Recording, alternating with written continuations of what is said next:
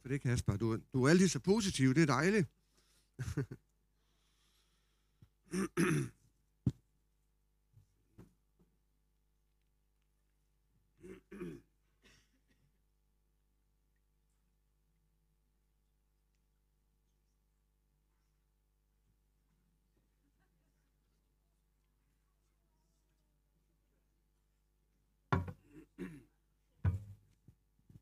Så har jeg et spørgsmål her. Hvad ser I her? Et glas med vand. Jeg prøver så nogen at dele over på midten her. Cirka på midten her. Halvt fyldt glas. Næsten fyldt, siger Tone. Cirka halvt tomt. Det er faktisk rigtigt. Det hele er ikke rigtigt. det er faktisk rigtigt det hele. Om du ser et glas er halvt fyldt eller halvt tomt, det gør faktisk en stor forskel på, hvordan at du vil... Altså, det er, på pessimisten ser du halvt tomt, ikke sandt? Optimisten ser det halvt fyldt. Og det gør faktisk en forskel på, hvordan vi reagerer også i vores kriser. Hvordan vi føler, at vores... Øh, vores hvordan vi tanker op herinde i. Om vi, fordi hvis vi er halvt tomme, så er der altså ikke langt ned til bunden. Øh, og så kan vi faktisk hurtigt øh, løbe tør for ressourcer. Og ser vi det som halvt fyldt, og ved, hvorhen ressourcen den er, der kan komme mere i den, så er vi allerede positive. Og så er det faktisk tit, at det hele det kører lidt lettere. Jeg skal lige starte med en lille beretning ud fra 2. Samuels bog. Nej, 2. kongebog er det, kapitel 6. Jeg skal ikke læse hele beretningen, men bare lige fortælle lidt om det, fordi det er en god indfaldsvinkel til det, jeg gerne vil sige her. Og det handler om to konger, som var i krig. Der var en Aramæer-konge, og der var Israels konge. Og øhm, det, der sker her, det er, at hver gang Aramæer-kongen, han vil øh, angribe israelitterne, så var, så var de altid forberedte.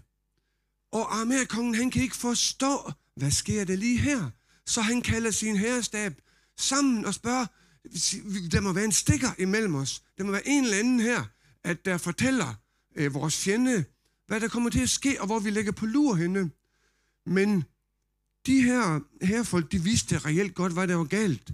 Så de siger til kongen, det er ikke en stikker, der er blandt os, men det er profeten Elisa. Han er så tæt forbundet på Gud, så han kan faktisk fortælle, hvad du fortæller din kone inde i soveværelset. jeg ved ikke, hvad jeg vil sige til det. Det kunne måske være lidt upraktisk, hvis det var sådan, det var.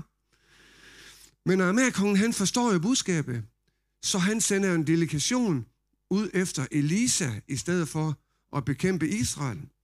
Han finder ud af Elisa, han er i Dotan, en lille by i nærheden. Og om natten, der omringer han hele byen. Og øh, dengang, at Elisa, han vågner om morgenen sammen med sin tjener, så ser de det jo. Byen er omringet af fjender. Alt håb er ude. Og øh, tjeneren her, han går helt i panik, og han siger til Elisa, det er ude med os. Vi er fuldstændig omgivet af fjender. Så siger Elisa noget til ham. Frygt ikke, siger han. Frygt ikke, tjener. For de, der er med os, er flere end dem, der er mod os. Og så kan vi jo nok være enige om, at det er jo noget af en påstand, ikke sandt? De stod to mænd inde i byen, og fjendens her var uden omkring dem, talrige, som havet sand. Så det var sådan lidt af en mild overdrivelse, kunne man sige. Men så beder Elisa en bøn, og han beder sådan her. Åbn øjnene på ham, herre, så han kan se. Og så åbner Gud tjenerens øjne, så han ser. Ikke med sine menneskelige øjne, men med sine åndelige øjne. Og der ser han, at området omkring, uden for byen, bjergene, de er fyldt med ildheste og ildvogne. Og det er engle, Gud han har sendt for at hjælpe de her to ud af deres problemer. Man kunne bare ikke se dem med det blotte øje, men da hans åndelige øjne blev åbne, der så han det. Og det er faktisk min overskrift til det, jeg gerne vil sige her. Hvad ser vi? Er vi helt fyldt, eller er vi helt tom? Er der en, mere ressourcer for her? Hvad ser vi? Det kommer jeg til at sige nogle gange her. Vores værdier som samfund, de er faktisk lidt under pres i den her tid. Er det ikke rigtigt? Og det er næsten, vi kan næsten ramme dem op sådan alle sammen og tænke, hvor er vores demokrati henne? I hvert fald blev der skrevet og sagt meget om det. Er det under pres? Ja, det er det. Hvorhen er ejendomsretten? Mange føler sig lidt øh, trådt lidt for, for, for tæt på dørtasken her. Ytringsfriheden er i høj grad under pres. Hvad er rigtigt at sige? Hvad er forkert at sige? Hvad skal vi lade være med at sige? For det kan være, det generer nogen. Sammenhængen mellem staten og kirken, som er en grundlovssikret stat, bliver diskuteret jævnligt. Skal vi skille de her to af? Og skal vi, nu siger jeg det, parkere Gud udenfor, så vi selv bestemmer? Det er under pres. Alt det, vi har stået på, den grundvold, vi har haft, den er under pres. Og jeg vil bare sige det, hvis Gud han har vigepligt, så har vi mennesker et problem. Fordi så er vi nødt til selv at være Gud. Hvis vi ikke tror på en Gud skaber, så skal vi selv fikse alle løsninger. Og så er det lige meget, om det hedder klima, problemer, hysteri, eller det hedder pandemien, som vi også er inde i nu, så må vi selv løse det. Og så tror jeg nok, vi har et problem, hvis vi sætter Gud uden for døren. Faktisk så er det ikke noget nyt det her. I Efeserne kapitel 6, der læser vi om, hvordan et lys og mørke, det kæmper. Hvordan at det onde og det gode, de kæmper, har altid gjort det, bliver ved med at gøre det. Men Paulus han opfordrer Efeserne, menigheden i Efeserne her, til, til det her. Til sidst vil jeg minde jer om, at hente styrke fra Herren og hans vældige kraft. Der findes en ressourcevenner, som vi kan vende tilbage til igen og igen. Flasken, den løber aldrig tom, og Paulus han opfordrer os til det. Hent styrke hos Herren og hans vældige kraft, fordi så kommer, vi, så kommer det til at gå godt, også i krisetider. Øhm, I fører jer Guds fulde rustning, så I kan forsvare jer imod satans lumske angreb. Vores fjende, Satan, sætter ind med lumske angreb, og vi kan blive helt fortvivlet. Vi kan blive fyldt med angst og frygt. For det er lumske angreb. Den kamp, vi står i, er jo ikke imod mennesker. Jeg vil gerne gentage det. Den kamp, vi står i, den er ikke imod mennesker. Vi kunne godt tro det, vi kunne godt fornemme det, men det er ikke sådan, det er. Den kamp, vi står i, den er ikke mod mennesker, men imod åndelige magter, autoriteter og herskere i denne mørke verden, mod en her af onde ånder i himmelrummet. Så vi skal forstå tingene ret. Vi skal lukke Gud ind i vores hjerter, som vi hører så dejligt her i al den her lovsang. Hvis Gud kommer ind, så må frygten gå, og så må fjenden vige. Amen. Fjendens strategi, den kender vi så godt. Det er at give frygt, afmagt, depression. Og kan du ikke selv finde ud af det, så bare luk op for tv-avisen. Så er det nemlig fyldt med det. Men jeg er så glad for, at jeg står her på vegne af en anden ambassadør. Og det, jeg står med evangeliet. Ved I, hvad det betyder? Det betyder de gode nyheder. Amen. Der er gode nyheder midt imellem alle de dårlige, der kommer af sig selv. Og Gud, han, hans overskrifter, de er lidt omformuleret. Så det er ikke frygt. I stedet for frygt, så er det fred. I stedet for afmagt, så er der sejr. Og i stedet for depression, så kommer der velsignelse. Amen. Det er ikke en ny kamp, vi står i, men jeg vil bare lige gerne riste op, inden jeg går over til juleevangeliet. Fordi jeg kommer til at sige det nogle gange. Kan I huske, hvad overskriften var? Jeg skal nok minde jer på det. Hvad ser vi? Det kommer an på, hvordan vi ser det hele. Det kommer faktisk til at gøre udfalde af det hele her. Simpelthen alle mine papirer her. Gud, han har en masterplan. Det vil jeg gerne sige helt på forkant her. Vi har jo hørt evangelie, juleevangelie, det blev læst så flot op, og det var fra Lukas evangelie. Jeg har faktisk bestemt mig at læse juleevangeliet. Jeg kommer til at læse nogle vers, sådan lidt ordret direkte efter Bibelen her. Men det bliver fra Matteus evangelie. Og det er fordi Matthæus, han har en lidt anden indfaldsvinkel på juleevangeliet, Jesu fødsel. Hvor at Matthæus, han gør en stor nummer ud af at fortælle, alt det, der er sket her, det er sket, fordi det var Guds plan. Det var ikke noget tilfældigt. Josef og Maria var ikke to tilfældige mennesker, der tilfældigvis fik Jesus. Det var med en større plan. Der var en, en masterplan. Og den plan, den kom til at lykkes. Det punkt og det prikke. Og Matthæus han henviser til de profeterne i det gamle testamente mere end 70 gange i hans evangelie. Fordi han ville så gerne, at vi skulle få øjnene op og se, at det her det er ikke noget, der er sket i en afkrog. Det er ikke noget tilfældighed, men det er Guds plan. Det sker, det punkt og prikke. Amen. Matthæus kapitel 1, den starter faktisk med en helt lang stamtavle. Og jeg ved ikke, hvordan I har det med stamtavler. Jeg tænker at springe lidt over den lige her. den er faktisk ret interessant, og jeg tænkte, i starten, der holder jeg nok vågen, så der skal jeg ikke sige den, så falder I i søvn. Men måske vender jeg lidt tilbage til til slutningen, okay? Så sover I måske alligevel. Men prøv at høre, hvad der står bare lige i vers 17 her. Det er Matthæus kapitel 1 og vers 17. Der står der nemlig noget med, at i alt, han har ramt alle de her op, den var far til den, og den blev far til den, og den blev far til den. Og så når han er så færdig med alle de her navne, så siger han, altså var der, siger han, i alt 14 slægtled fra øh, Abraham til David. Der var 14 slægtled fra kong David til øh, Israelitten kom i eksil i Babylon, og der var 14 slægtled fra Babylon til Jesus kom. Altså, det var en 100% plan. Han prøver på at åbne vores øjne, så vi ser, Gud havde en plan. Der, der er plan i det hele her. Og han, øh, øh 14 slægtled, 14 det er faktisk Davids tal. Hvorfor det er det, det ved jeg ikke rigtigt, men det er det, har jeg læst. 3, det er tallet på det øh, fuldkommende. Så, så der er god mening i det. Men vi går, vi går videre nu, så vi ikke falder i søvn. Og vi læser fra Matthæus kapitel 1 og vers 18. Den handler om Jesu fødsel her. Messias kom til verden på følgende måde. Hans mor Maria var forlovet med Josef, men før de havde været sammen, viste, viste det sig, at hun ventede et barn ved Helligånden.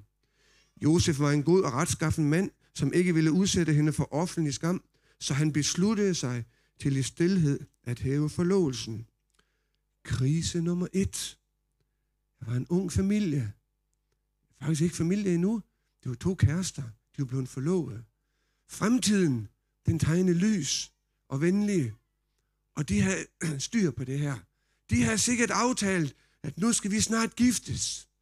Så skal vi have hus og villa og rose, og, og så skal vi have et godt arbejde. Så skal vi til at tjene penge. Jeg ved ikke, hvad de har aftalt, men i hvert fald så så det hele godt ud, og de var kommet godt i gang. Men så kommer der en kur på tråden her. Maria, hun troede Josef var falden, og hun var, hun har været sammen med en anden mand, og hun var blevet gravid. Men prøv at høre, hvad der sker. Gud han ryster nemlig ikke på hånden. Mens han tænkte på dette, se, der viste Herrens engel sig for ham i en drøm, og sagde, Josef, Davids søn, vær ikke bange for at tage Maria til din hustru, for det barn, hun venter, er undfanget ved Helligånden. Hun skal føde en søn, og du skal give ham navnet Jesus, for han skal frelse sit folk fra det synder. Jesus betyder faktisk frelser. Alt det, der skete, for at det skulle opfyldes, som, som Herren har talt ved profeten, der siger, se, jomfruen skal blive med barn og føde en søn, og du skal give ham navnet Emmanuel. Det betyder Gud med os. Ser du det? Det spørger jeg om igen nu. Ser du det? Det var profetere. Det var forudsagt længe før det skete. Det var det forudsagt ved profeten. Jomfruen skal blive med barn. og jeg kan godt lide, vi havde det frem her under lovsangen også. Hans navn er Emmanuel. Det betyder Gud med os. Gud han er for os, venner. Amen. Gud han åbne hans øjne, så han kunne se. Længere hen i kapitel 2, der læser vi om vise mænd, tre vise mænd, som opdager den her konge, der, eller den her Jesusbarn, som bliver født. Og det er fra Matthæus kapitel 2. De her vise mænd her, de øhm, har set en stjerne, som gik op i østen, og de har studeret længe på, om den her stjerne kunne komme, og hvad det må betød. Og pludselig, så ser de stjernen stå op, og de begiver sig på vej flere måneder ind over gennem ørkenen, og flere måneder hen der, hvor stjernen var. Og de synes det måtte være naturligt at gå til Herodes, som var konge der, og spørge, om der var født et barn her i paladset. Så de spørger Herodes, hvor er jødernes nyfødte konge? For vi har set hans stjerne gå op og er kommet for at tilbe ham. Da kong Herodes hørte det, blev han forfærdet, og hele Jerusalem med ham. Og han sammenkaldte alle ypperste aposterne og folkets skriftkloge og spurgte dem, hvor Kristus skulle fødes. De svarede ham i Bethlehem i Judæa, for således er det skrevet ved profeten. Og så spørger jeg igen, ser I det? Ser vi det? Det stod skrevet ved profeten.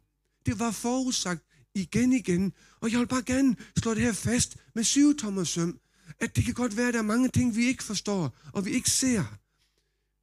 Men Gud han åbner vores øjne, så vi ser, at vi er en del af Guds masterplan. Gud han havde faktisk en plan, før verdens grundvold blev lagt, om at der skulle komme en frelser. Frelseren skulle fødes. Frelseren var for hele folket, som englene sang. Så det er det budskabet i dag, det er, at Gud har kontrol, selvom vi ikke har kontrol. Stjernen her, den kunne faktisk ses af alle. Jesus, han blev ikke født i en afkrog, i et, et lille hjørne her i verden. Men Jesus, han blev født, og stjernen, ligesom stjernen kunne se sig alle, så burde mennesker kunne se det her også. For hvis vi skal være helt ærlige, så er hele vores tidsregning, Jesus han startede med år 0. Hvem af os har lige det privilegium, at verden, den, det her, det var der Ole han blev født. Det blev til år 0, så vigtig er Ole. Det er ikke sådan, der. Det desværre. Nej, men min fødselsdag, den er sat i forhold til Jesu fødselsdag. Er ikke sejt? Verden, den gik i stå der. Og så blev der et før Kristus, og så blev det et efter Kristus. Det synes jeg, det er sejt, for det er ikke nogen hemmelighed i det hele. Men spørgsmålet er, om vi har tid til lige at stands op, og så følge den her ledestjerne. De vise mænd, de vil finde sandheden. Og ved I hvad? Det er den kategori, at vise mænd og vise kvinder, de er i. De vil ikke nøjes med at tro, tro noget af det, høre noget af det. De vil finde sandheden. De vise, de spørger sådan her, findes der en Gud? For hvis han nu findes, så skal jeg da også opdage det. Vise, de spørger sådan her, hvor kommer jeg fra? Og hvor skal jeg hen? Er der en mening med livet? Er der en større mening end bare det her? At arbejde og sove og gå i seng og stå op og have familie og venner og så dø en dag? Er der en mening med det? Vers 10 i kapitel 2. Da de havde hørt på kongen, tog de afsted og se stjernen, som de havde set gå, som de, ja, stjernen, som de havde set gå op, gik foran dem, indtil den stod stille over det sted, hvor barnet var. Men i drømmen fik de en åbenbaring om ikke at tage tilbage til Herodes. Troen kommer af det, der høres. De forhørte sig. Hvor er, nyfødernes, er jødernes nyfødte konge? Og derved så kommer der en tro. Så læser vi, at stjernen gik foran dem. Og hvad kan det fortælle os? Jo, det kan fortælle os, at hvis vi vil finde Jesusbarnet, så må vi være aktive.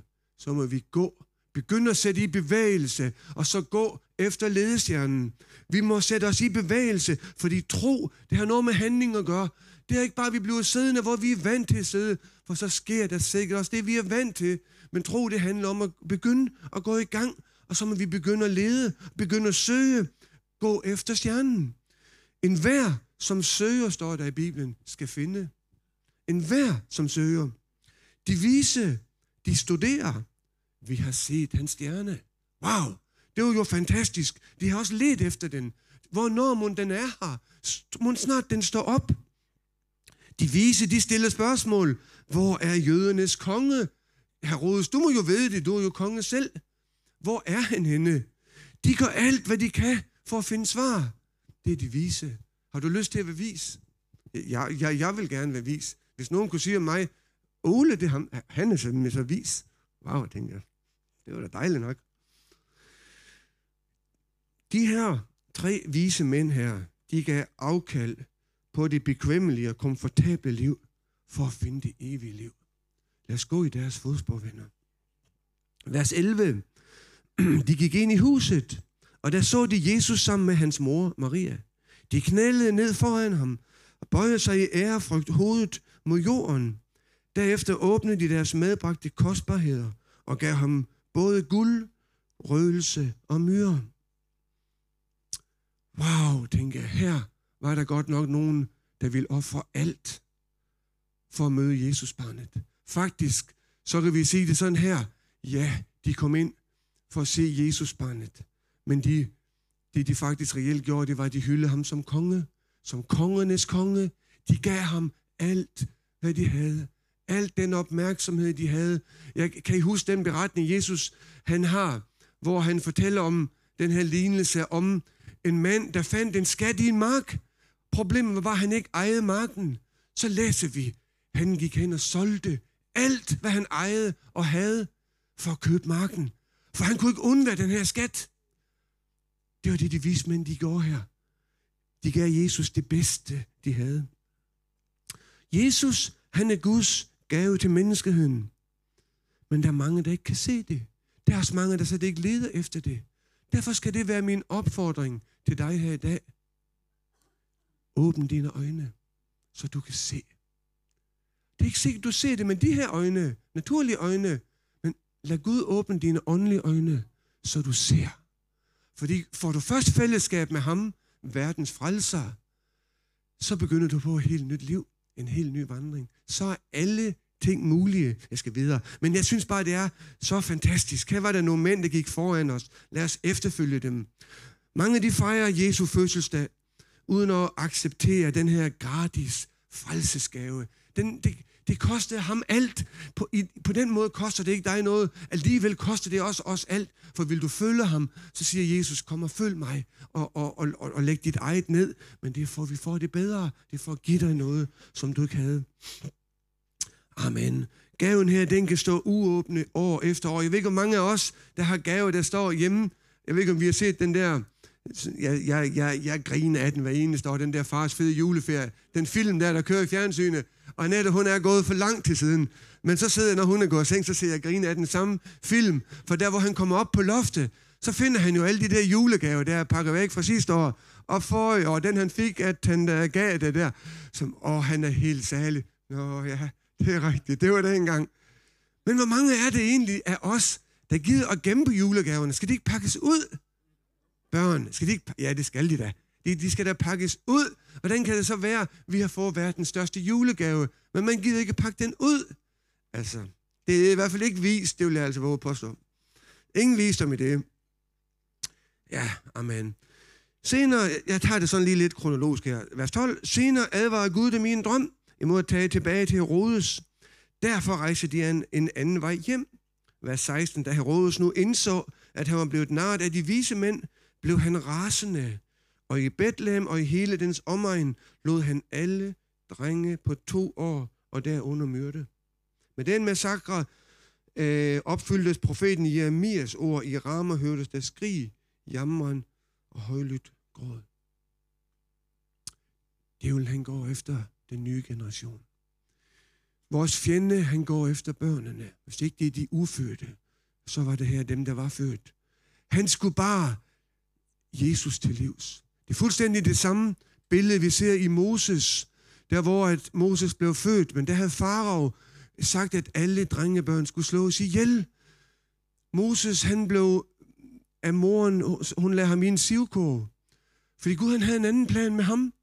Og han blev så han blev frelseren for israelitterne, der kom ud af Ægypten. Her ser vi det samme scenarie, bare med en anden lidt overskrift her. Men jeg vil bare alligevel gerne sige midt i det her eh, ramaskrig, som vi kan kalde det, ser I det. Det var forudsagt, jeg tror ikke, det var forudbestemt, men, men det var forudsagt. Bibelen havde talt om det her. Gud han har, altså Gud han ved, hvad der kommer til at ske, og Guds plan kommer til at ske. Som sagt, så er familien, det er Guds idé. Gud han har faktisk indstillet to institutioner. Den ene det er familien, og det anden det er kirken. Gud han, Gud han sagde sådan her, så lad en mand forlade sin far og mor, og holde sig til sin hustru, de skal blive et kød, og der, der kommer børn, og det er en familie. Hele vores samfund bygger på familie. Familier, det er Gud givet. Kirken er bygget på Guds ord. Det er Guds forordning også. Jeg vil, satan skal ikke få bugt med den, siger han i stedet, øh, hvor han siger til Peter, jeg vil bygge min kirke på dig, på klippen. Og, og, og det er Guds idé. Og måske derfor, netop derfor, så er der en kamp og en, øh, et angreb imod familier og imod, imod kirken, imod Guds forordninger her. Men Gud han, Gud, han ville det anderledes. Og ved I hvad, venner? Der findes en modgift. Der findes en, øh, der findes en kur imod mørkets fyrste her. Og kuren, den hedder, begynd at proklamere Guds sandheder. Begynd at læse Guds ord, og tage Guds ord i din mund. Proklamer det. Sig det ud. Men det her, det er Guds sandhed. Fordi djævlen, han må bøje sig hver gang, at Guds ord, det bliver nævnt.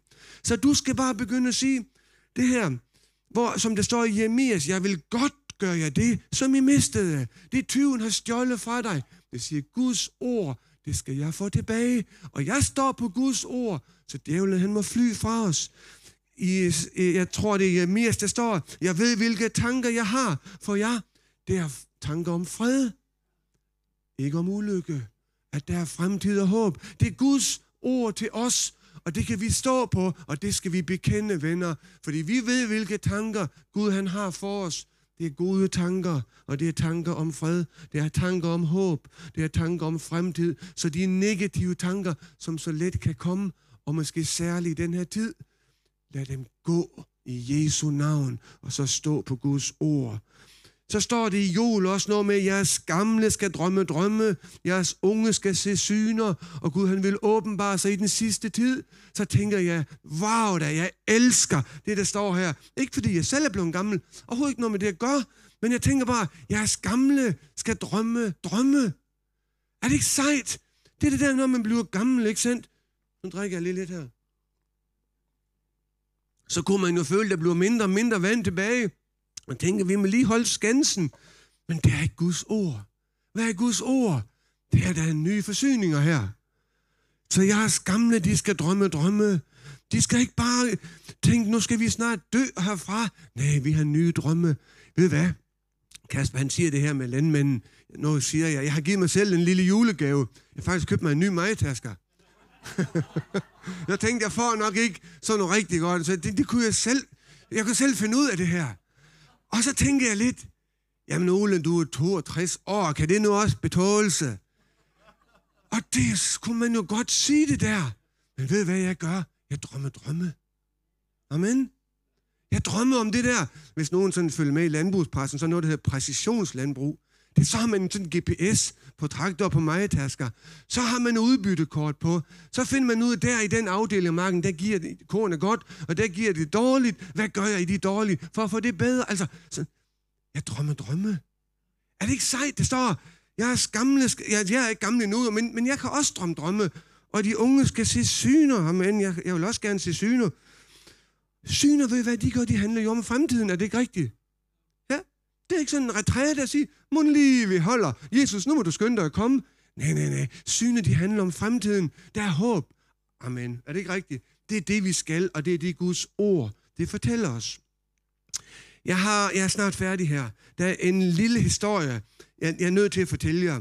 Og jeg håber, hende, der fortalte mig, hun tilgiver mig. Måske ser hun med her, så, så skal jeg skal virkelig passe på her, så ikke det kan genkendes. Jeg hørte det under ridelejren her i sommer, hvor vi var sammen. Og det her det er en familie, som havde en datter. Hun, var, hun har fået noget galt i halsen, og de kom ind, og hun fik det ud igen, og så burde det egentlig bare være det. Men pigen, hun værer sig ved at spise bagefter. Og hun blev faktisk tyndere og tyndere. Og til sidst, så endte det med, at hun sammen med moren blev indlagt på hospitalet. Og de ligger der to måneder. Problemet er, at det går den forkerte vej. Og hun blev som sagt tyndere og tyndere. Og når psykiater, eller psykolog, hvem det var, og læger kom ind på deres stue der, så, viske, så viskes der lidt i krogen. Øh, det her, det går den forkerte vej. Det her, det ender med død. Det her, det ender med, at vi mister hende. Hun er på vej fra os. Så der, begravelsen, den blev faktisk i tale sat her. Prøv så at høre, hvad moren hun fortæller mig. For moren hun tager nemlig skeen i den anden hånd. Og jeg, jeg, jeg elsker det. Jeg er nødt til at dele det med jer. Og, og, og så skal jeg gøre det på en, på en pæn måde her. Hun siger, jeg må begynde at bede til Gud, siger hun. Men hun kunne ikke huske fadervor. Hvad gør hun så? Den kan man da finde på telefonen. Så downloader hun fader, og så begynder hun at bede for sin lille datter, sammen med faren. Han er også inde i planerne. Og så begynder hun at bede, ske din vilje på jorden, som den sker i himlen. Og på den måde, så kommer himlen på jord. Hun begynder at bede om, komme dit rige. Komme dit rige, Gud. Lad dit rige komme på jord, og lad os få lov at se din hånd udragt. Så Guds nærvær, det kommer der, når hun begynder at bede. Og Guds herlighed, den kommer til syne. Hvad tror I, der sker? Det kan I gætte jer til nu, ikke også? For jeg er begejstret. Pigen, hun bliver rask. Pigen, hun, hun, øh, der sker en vending her. Og da at hun begynder at udtale, øh, for det gør hun nemlig, det fortæller hun mig. Ole, siger hun, jeg tager skeen i den anden hånd, og jeg går imod alle de der negative ord, der bliver sagt. Så når læger og psykologer og andre, de kommer og siger, det her det går den forkerte vej, så begynder hun at sige, nej, det går den rigtige vej. Det her, det skal nok blive godt igen. Hun kunne ikke se det. Jeg mener, de var to imod en hel fjende her.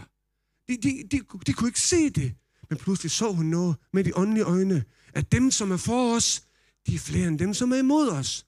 Og mirakle, det skete for den her dejlige familie, det er nogle af vores venner, og jeg synes bare, det er godt. Vi har en, en uh, sang, øh, at vi synger herinde i kirken også. Waymaker. Jeg elsker den sang. Waymaker, det betyder, at Gud han skaber en udvej, der hvor der ikke vil have været nogen vej. Miracle worker, det betyder noget med mirakelmager. Gud han kan gøre mirakler, der hvor vores egen magt ikke slår til. Promise keeper, hvad betyder det? Gud han står bag sit ord. For de løfter, han har sagt, dem står han bagved. Light in the darkness, det er der lige nu i en juletid. Sådan en elendig mørk tid, hvor vi ikke ser solen. Er det ikke rigtigt? Gud, han er lys i mørket. Og han ønsker at være dit og mit lys. Åh, oh, lad os tage det her til os. Jeg kunne godt lide det, Lotte, hun lige fortalte. Jeg tror, det var Lotte, ellers var, jeg kan ikke huske. Men i hvert fald det der med Gud, han er med os, Emmanuel. Esajas havde profeteret om den her Messias. Og så siger han, han har mange navne. Messias, der kommer, han har mange navne. Han er underfuld rådgiver. Mangler du et godt råd? Ved du hvad? Jeg er som sagt landmand. Jeg mangler mange gode råd. Og jeg, jeg beder til Gud hver dag. Og jeg prøver at være stille, og jeg lytter til Gud. Og Gud, han giver mig mange gode råd. Helt lavpraktisk. Helt ned på jorden. Så er Gud med os, hvis vi lærer ham. For han er underfuld rådgiver. Han er vældig Gud. Det er der, hvor vi ikke slår til så har vi Guds magt. Evighedsfader, det siger os noget stærkt her. For vi er jo ikke bare sat her for at leve de her få år. Nej, nej, nej. Vores ånd, den er evig, ligesom Guds ånd. Vi er evighedsindivider, og Gud han er evighedsfar. Der, ja, jeg skal ikke gå meget ind i men tænk på det. Tænk på det. Søg Gud og kom i himlen sammen med ham en dag, når det her det er slut. Det her det er nu også spændende. Han er fredsfyrste. Det tror jeg mange skulle tage til sig i den her tid, hvis du ikke har fred. Hvis du går rundt med angst og depression øh, og kan ikke finde ud af det. Gud, han er fredsfyrsten. Nu har jeg kun en side tilbage her, og den er ikke helt fuld. Og nu kommer jeg nemlig til det der, jeg lover jer, det der med det stamtræ der. Jeg, jeg er nødt til at have den med her. Så hvis I øh, falder i søvn, så er det okay. Men, men det er fordi, det er fordi det der med, det der med stamtræ, det er faktisk ret interessant. Jeg, jeg, har, jeg har haft køer i 25 år, og øh, Annette kan bevidne det her. Jeg gik så meget op i stamtavler, fordi jeg fandt jo ud af, at den der gode ko der, med den far og den farfar, wow, de kunne bare yde noget mælk, så jeg skulle have puttet den tyr på den ko. Nu har jeg heste, og så gør jeg også op i stamtavlen, for det er nemlig lige så vigtigt. Er I klar over, hvor mange millioner, jeg kunne næsten sige dollars, at der er i avl? De der vedløbsheste, som, som, som, som gør det helt godt, ikke også? Det, hvor meget koster en bedækning, tror jeg? Det er, mange, det, det er, det er sindssygt mange øh, titals millioner, bare en bedækning koster. Okay, så, så stamtavle er slet ikke uvæsentlig. Det, det er bare det, jeg vil sige med det. Prøv så at høre, hvad der står. For der er nemlig 16-17 vers, dem gider jeg ikke lige læse. Jeg tager bare lige lidt af det her. Det, det var dengang, der læste de kun fædrenes navne, som om møderne var ikke rigtig noget værd. Jeg ved ikke hvorfor, men sådan var det altså. Og det har Matthæus også gjort af en eller anden grund. Jeg forstår det ikke. Nej, vi forstår det ikke. Men det er ikke nok at ved. Nu er det sådan, for det er lige et lille... Jeg har en parentes her. Så kommer han til. Og Salma blev far til Boas, hvis mor hed Rakel. Boas blev far til Obed, hvis mor hed Rut. Og så kom vi hen, og den blev far til den. Så kom vi hen til kong David, og til sidst hen til Jesus, som jo var et Davids slægt. Det er sådan set helt fint, så vi forstår pointet her. Vi ser det, Matthæus, rolig, rolig. Vi har set det nu, ikke sandt? Men prøv så at høre. Der var en finte her. Hvis mor hed Rahab. Kan I huske, hvem Rahab var? Ja. Og en mere. Hvis mor hed Ruth. Det står to pigenavn. Midt mellem alle mandenavnene. Kan I huske, hvem det var? Rahab. Ved hvem det var? Det var hende, at dengang israelitterne de skulle til at indtage det forjættede land, der skulle de ud og, og, øh, og udspejde landet. Og Rahab, hun var faktisk en værre en. De har brug for husly om natten, og øh, det sted, de nu lige kunne finde, hvor der måske var åbne døre, det var altså ved en prostitueret. Så de går ind til hende, for om godt hun gider gemme dem om natten der. De skulle ikke have noget med hende at gøre, men vil du gemme os? For vi er Guds sendebud. Så tænker de fortalte lidt om, hvem Gud han var, og de mirakler, de havde oplevet. Det kunne jeg forestille mig i hvert fald. Så hun siger, ja, det skal jeg nok, I kan bare gå op på taget. Det er hende Rahab, vi snakker om her. For hun er faktisk med i Jesus stamtavle. Hvordan kan det gå til? Vi kan læse om hende over i Hebræerbrevet. Der står lidt om Rahab. Der står, ved tro, står der, blev Rahab øh, øh, hvad hedder det, skåne, dengang at israelitterne de tjente går byen. Ved tro på Gud. Det gjorde forskellen. Så kom hun med i stamtavlen. Jeg synes, det er sejt. Prøv at høre, Ruth. Hvem var hun? Det var en morbidisk kvinde. Hun var hedning. Hun hørte slet ikke til i den her, øh, hele den her forsamling her. Hun var, hun var hedning. Hun var, hun var, hun var, hun var, hun hørte slet ikke det her. Det var, hun havde en tragisk livshistorie. Hun har mistet sin mand. Men hun siger noget interessant til, øh, til hvad hedder, Naomi, som skulle, som skulle hjem til sit eget folk igen. Så siger hun, jeg vil ikke have mit hedenske folks guder mere. Din Gud, siger hun til Naomi, som var israelit, det skal være min Gud. Din, øh, hvad for noget, din far skal være min far, noget i den stil. Så hun gør Gud til hendes far. Og derfor så kom hun med her. Og jeg tænker sådan på, hvor sejt det her det er.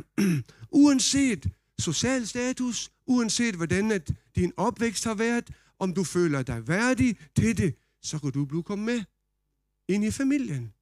Gud han inviterer alle med, uanset hvad du har af problemer, mindre værd, hvad der måtte tro, at du siger, jamen jeg er ikke værdig til at være i Guds familie så siger Jesus, der er undtagelser. Omvend dig. Begynd at tro på evangeliet, så skal han komme ind i dit hjerte. Kroejeren, han har ikke plads til verdens frelser. Så han blev født i en stald. Og når jeg nu er landmand, så ved jeg godt, hvordan det er i en stald. Det, det er altså ikke altid helt rent. Der er noget beskidt, faktisk. Det skal være helt ærligt. Der er en masse rod i krogene. Det vi ikke lige kan blive skilt ved, det kan lige lægge over i den krog. Spindelsvæv, det, det er der masser Selvom vi lige har tørt af, så er kommet det hurtigt igen. Det er ikke så rent, det er ikke så pænt. Det er ikke, det er ikke ligesom i slottene, der hvor sådan, gulden de er boende. Jesus han blev født i en stald. Så tænker jeg bare på, kunne der være noget symbolsk i det? De fleste af os, de har jo, vi har jo ikke adgang til de kongelige slotte og paladser, vel? Men kunne det være noget symbolsk i, at Jesus han blev født i en stald? Det tror jeg godt, det kunne. For Jesus han kom til det laveste. Han kom til almindelige mennesker. Han kom ikke kun til dem, som sidder på magten, verdensherskerne, eller, eller, eller, eller, eller landeherskerne, eller de, de rige, eller kongerne og dronningerne, der hvor vi godt kunne tænke os at i hvert fald bare komme på besøg en gang imellem. Jesus han kom til dig og mig. Han kom til den almindelige menneske for at sige, jeg vil gerne være en del af dit liv. Og som englene sagde til hyrden ude på marken, jeg forkynder jer en stor glæde, som skal være for hele folket, for alle mennesker. I dag er verdens frelse født. Så spørgsmålet det er, om vi vil lukke den her gave op, som Jesus han har givet, som Gud har givet os. Gaven hedder Jesus. Jesus han er, han er vejen til Gud. Han er vejen til evigt liv sammen med Gud. Så jeg synes, jeg vil bare gerne opfordre os til at pakke gaven ud. Fordi så skal der komme fred på jord i mennesker, som gør Guds vilje. Glædelig jul.